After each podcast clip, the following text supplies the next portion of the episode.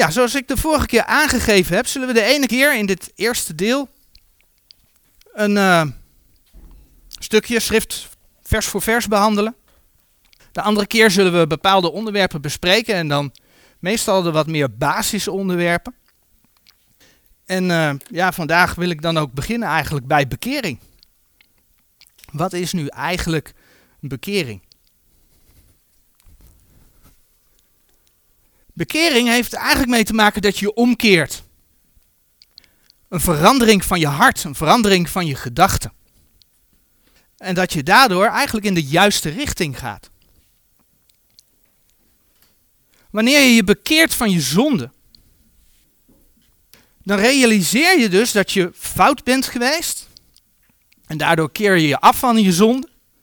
En zie op Jezus Christus voor zijn rechtvaardigheid en vergeving. Dat is heel kort gezegd wat bekering is. We zullen daar natuurlijk iets uitgebreider bij stil gaan staan. In het Oude Testament komen we het al tegen in het eerste vers wat we willen lezen. We gaan er een flink aantal versen over lezen. Het eerste vers is Ezekiel 14, vers 6. En daar zien we dat het volk Israël opgeroepen wordt om zich te bekeren, om zich, ja, uh, de afgoden achter zich te laten en zich om te keren naar God. In Ezekiel 14, vers 6. Ezekiel 14, vers 6. Daar lezen we. Daarom zegt tot het huis Israëls, alzo zegt de Heere Heere, bekeert u en keert af van uw drekgoden en keert uw aangezichten af van al uw gruwelen. Een ander gedeelte, en dan bladeren we terug naar 1 Koningen. 1 Koningen uh, 8, sorry. Niet 18, maar 8. 1 Koningen 8 vanaf vers 46. Daar bidt Salomo voor het volk Israël. En daar bidt hij. Wanneer zij gezondigd zullen hebben tegen u, want geen mens is er die niet zondigt, en gij tegen hen vertoerend zult zijn, en hen leveren zult voor het aangezicht des vijands, dat degenen die hen gevangen hebben, hen gevankelijk wegvoeren in des vijands land, dat ver of nabij is. En zij in het land waar zij gevankelijk weggevoerd zijn, weder aan hun hart brengen zullen, dat zij zich bekeren en tot u smeken in het land dergenen die hen gevankelijk weggevoerd hebben, zeggende, wij hebben gezondigd en verkeerdelijk gedaan, wij hebben goddelooslijk gehandeld. En dan vers 48 nog, en zij zich tot u bekeren met hun ganse hart en met hun ganse ziel in het land hunner vijanden, die hen gevankelijk weggevoerd zullen hebben, en tot u bidden zullen naar de weg huns lands, het welk gij hun vaderen gegeven hebt, naar deze stad die gij verkoeren hebt, en naar dit huis dat ik uw naam gebouwd heb. Zo zien we hoe in het Oude Testament de Heere God het volk Israël oproept om zich te bekeren. De Heere God wil dat mensen zich tot Hem keren. En dan zal Hij hen redden. En voor de gemeentetijd geldt natuurlijk dat die redding is in de Heer Jezus Christus. En een vers wat ik nog wel eens aanhaal is 2 Petrus 3 vers 9. Dan zien we ook dat het Gods wil is dat ja, iedereen tot bekering komt. 2 Petrus 3, vers 9. De Heere vertraagt de belofte niet, gelijk enige dat traagheid achter. dus de Heere God stelt helemaal niks uit. Maar hij is langmoedig over ons. Hij is geduldig met ons. Niet willende dat enige verloren gaan, maar dat zij alle tot bekering komen. Dus God werkt in deze wereld om alle mensen tot bekering te brengen. En zo ging Paulus en dan bladeren we naar Handelingen 20. Zo ging Paulus op zijn rondreizen langs steden en hij ging langs de huizen. Om de mensen bekering tot God te prediken. Wanneer hij op een gegeven moment dan afscheid neemt van de ouderlingen te Efeze, dan zegt hij in Handelingen 20, vanaf vers 18. Handelingen 20 vanaf vers 18. Het eh, tweede deel van het vers. Gij weet van den eerste dag af dat ik in Azië ben aangekomen, hoe ik bij u de ganse tijd geweest ben. Dienende de Heeren met alle ootmoedigheid en vele tranen en verzoekingen die mij overkomen zijn door de lagen der Joden. hoe ik niets achtergehouden heb van hetgeen nuttig was, dat ik u niet zou verkondigd en u geleerd hebben in het openbaar en bij de huizen, betuigende bij de Joden en Grieken de bekering tot God en het geloof in onze Heer Jezus Christus. Zo zou je ook Handelingen 17, vers 30 en 31 kunnen opzoeken. In een van de oud-testamentische schriftgedeelten die we net gelezen hebben, daar lazen we dat het Joodse volk de Heer zou smeken. En zou beleiden dat zij gezondigd hebben. Dat was 1 Koningen 8. Het feit dat zij smekend tot God komen, betekent dat zij bedroefd zijn. Dat ze bedroefd zijn over dingen die ze gedaan hebben, waardoor ze de Heer gaan beleiden. En daar begint eigenlijk ware bekering. En de Bijbel laat echter zien dat er wel twee soorten bekering zijn. En dan komen we uit bij het vers 2 Korinthe 7 vers 10. Hij komt zo ook op de dia, maar we gaan hem toch ook zelf lezen. 2 Korinthe 7 vers 10. Zijn twee soorten van droefheid. Die eigenlijk leiden tot twee soorten van bekering. En in 2 Korinthe 7, vers 10, daar lezen we dan: Want de droefheid naar God werkt een onberouwelijke bekering tot zaligheid. Maar de droefheid der wereld werkt de dood. Eigenlijk zeg je in beide gevallen sorry. Maar de ene sorry die leidt tot bekering. En de andere sorry, die leidt tot de dood. Dat is wat we net gelezen hebben. En ja, dan zou je kunnen denken aan een kind dat straf krijgt. Het wordt naar boven gestuurd om na te denken over wat het gedaan heeft. En dan komt het beneden en dan zegt het: Sorry, maar ik was moe. Of ik had het niet gezien. Of hij of zij deed het ook. Excuses zoekend. En aan de intonatie van de sorry hoor je dan ook meestal wel dat het eigenlijk geen echte sorry is. Ja, het baalt dat het op het verkeerde moment deed en dat de ouder keek, waardoor het tegen de lamp is gelopen. Dat is nou even balen. Dat had ik anders moeten aanpakken. Dat is een hele andere sorry dan het kind dat naar beneden komt en dat zegt: Sorry, pap, mam. Maar inderdaad, ik had het niet mogen doen. Dat was fout. Wilt u het mij vergeven? En doordat het kind overtuigd is van het feit dat het een fout heeft gemaakt, zal het, met vallen en opstaan, maar zo is het hele leven, er proberen anders mee om te gaan. En laat me wel wezen, in de politiek komen we hetzelfde tegen. Een politicus die bij een of andere samenkomst er geen rekening mee houdt dat er gefilmd wordt en dan een uitspraak doet. En dat lekt uit. En wat zegt die beste man dan? Sorry, dat had ik niet moeten zeggen. Ja, en je weet dat die man er dus privé een andere mening op nahoudt. Want die sorry was eigenlijk alleen maar, ja, hij is tegen het licht gelopen. Dat was even verkeerd getimed, die opmerking van mij. En dan hoef ik eigenlijk alleen nog maar aan afgelopen week te denken. Of vorige week, minister Grapperhaus, die zijn bruiloft vierde en er geen rekening mee hield dat er tegenwoordig fotocamera's zijn. De droefheid der wereld is dus vaak een sorry omdat je fouten openbaar geworden zijn. Je baalt ervan dat anderen het zien dat je dat gedaan hebt. Dat is balen. Maar dat is dus een droefheid die niet leidt tot bekering, maar tot de dood. Iemand bij wie deze vorm van bekering voorkwam, en dan bladeren we naar Matthäus 27, is bijvoorbeeld Judas.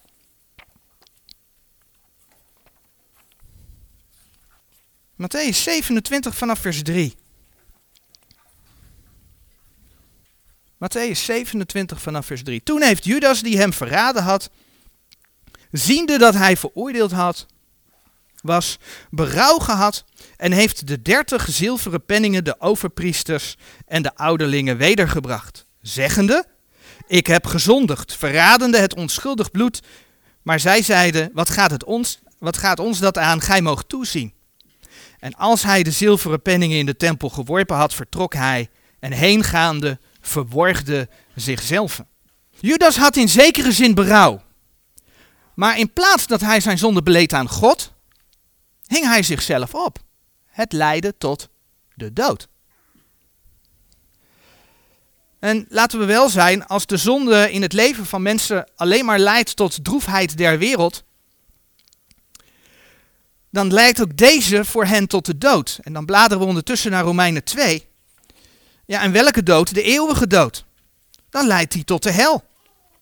Als mensen niet tot bekering komen en de Heer Jezus niet aannemen, dan kun je nog zoveel sorry gehad hebben, nog zoveel spijt gehad hebben, dan heeft het geen enkele zin gehad. Romeinen 2, vers 3 tot en met 5 zeggen. En denkt gij dit, o mens, die oordeelt degene die zulke dingen doen en dezelfde doet, dat gij het oordeel God zult ontvlieden? En als het dan om zulke dingen gaat, in Romeinen 1 zijn allemaal werken van het vlees behandeld, besproken. Denkt gij dat gij het oordeel God zult ontvlieden? Of veracht gij de rijkdom zijner goede tierenheid en verdraagzaamheid en langmoedigheid, niet wetende dat de goede tierenheid Gods u tot bekering leidt? Het is de goedheid van God dat hij bekering aan mensen geeft. En vers 5. Maar uw hardigheid en onbekeerlijk hart vergadert gij uzelf toren als een schat in de dag des torens en der openbaring van het rechtvaardig oordeel Gods. Gods woord is duidelijk. Maar er is dus een droefheid naar God, die een onberouwelijke bekering tot zaligheid, tot behoud, tot redding bewerkt. Het feit is dat die droefheid der wereld soms wel tot spijt leidt over iets wat je gedaan heeft. Maar dan komt het eigenlijk, gaat die, die, die onberouwelijke bekering tot zaligheid gaat ook iets verder. Het leidt namelijk tot spijt voor wie je bent. En dan ga je God smeken. En dat is een verschil dus. De droefheid der wereld kent dat niet. Die denkt alleen maar fout getimed. Maar de droefheid naar God, dat gaat dieper naar binnen toe. Dat doet je realiseren wie je bent. Je beseft dat je zondigt omdat je een zondaar bent. Zo zegt bijvoorbeeld Jezaja in Jezaja 6 vers 5.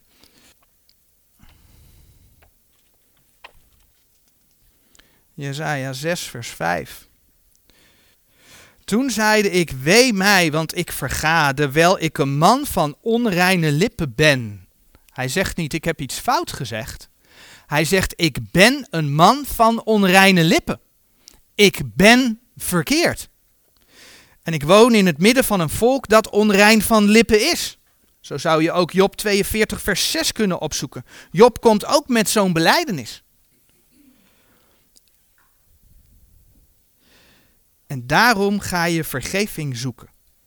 En heel mooi wordt deze houding, dit verschil ook duidelijk in een stukje over een fariseer en een tollenaar in Lucas 18. Lucas 18 vanaf vers 9. En hij zeide ook tot sommigen die bij zichzelf vertrouwden dat zij rechtvaardig waren en de anderen niets achten, deze gelijkenis. Twee mensen gingen op in de tempel om te bidden. De een was een fariseer en de ander een tollenaar. De fariseer staande bad dit bij zichzelf. O God, ik dank u dat ik niet ben gelijk de andere mensen, rovers, onrechtvaardige overspelers of ook gelijk deze tollenaar. Ik vast tweemaal per week. Ik geef tiende van alles wat ik bezit. En de tollenaar van verre staande wilde ook zelfs de ogen niet opheffen naar de hemel, maar sloeg op zijn borst, zeggende: O God, zijt mij zondaar genadig. De trots en hoogmoed voorkomt dat de fariseer ziet dat hij een zondaar is. Maar de tollenaar weet het wel van zichzelf. En de Heer Jezus, die zegt van hem in Lucas 18, vers 14: Ik zeg u lieden, deze, hè, dat verwijst dan naar die tollenaar, deze ging afgerechtvaardigd in zijn huis meer dan die. Ja. Zo roept uh, Paulus in uh, Romeinen 7, vers 24. Ik ellendig mens, wie zal mij verlossen uit het lichaam deze doods? Als mens moet je tot besef van zonde komen. Tot het besef dat je een zondaar bent en het niet alleen kunt. En dan kun je je keren tot God het beleiden. De Heere vragen om je te helpen de zonde na te laten. En dat leidt dan dus tot een omkeer. En dus ook tot een ander leven. een onberouwelijke, 2 Korinthe 7 vers 10, een onberouwelijke bekering tot zaligheid.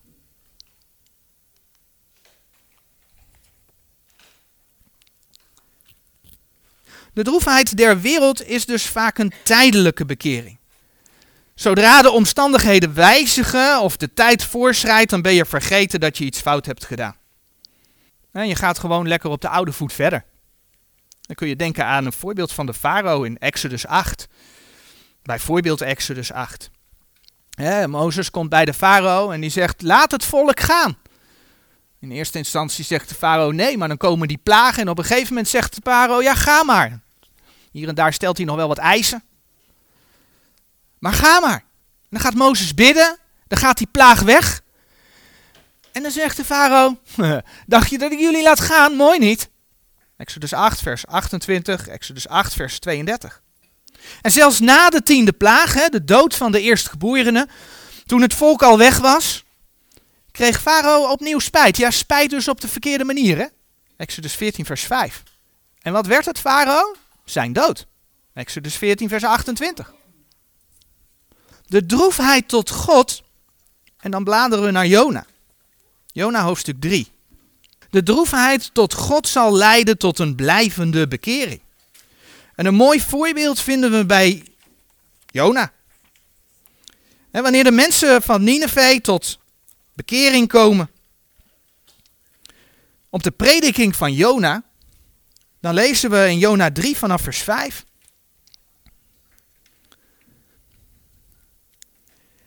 En de lieden van Nineveh geloofden aan God en zij riepen een vasten uit en bekleden zich met zakken. Van hun grootste af tot hun kleinste toe. Want dit woord geraakte tot de koning van Nineveh. En hij stond op van zijn troon en deed zijn heerlijk overkleed van zich. En hij bedekte zich met een zak en zat neder in de as. En hij liet uitroepen, en men sprak te Nineveh uit bevel des konings en zijner grote, zeggende, laat mens nog beest, rund nog schaap, iets wat smaken, laat ze niet weiden, nog water drinken. Maar mens en beest zullen met zakken bedekt zijn en zullen sterkelijk tot God roepen. En zij zullen zich bekeren een iegelijk van zijn boze weg en van het geweld dat in hun handen is. Wat deze mensen meemaakten, was een blijvende bekering. Je komt dat zelfs in Matthäus 12, vers 48, uh, 41 tegen. Dat was een blijvende bekering. Matthäus 12, vers 41. De mannen van Nineveh zullen opstaan in het oordeel met dit geslacht en zullen het zelf veroordelen, want zij hebben zich bekeerd op de prediking van Jona. En zie, meer dan Jona is hier. Hetzelfde, dan bladeren we naar Lucas 15, zien we bij de verloren zoon.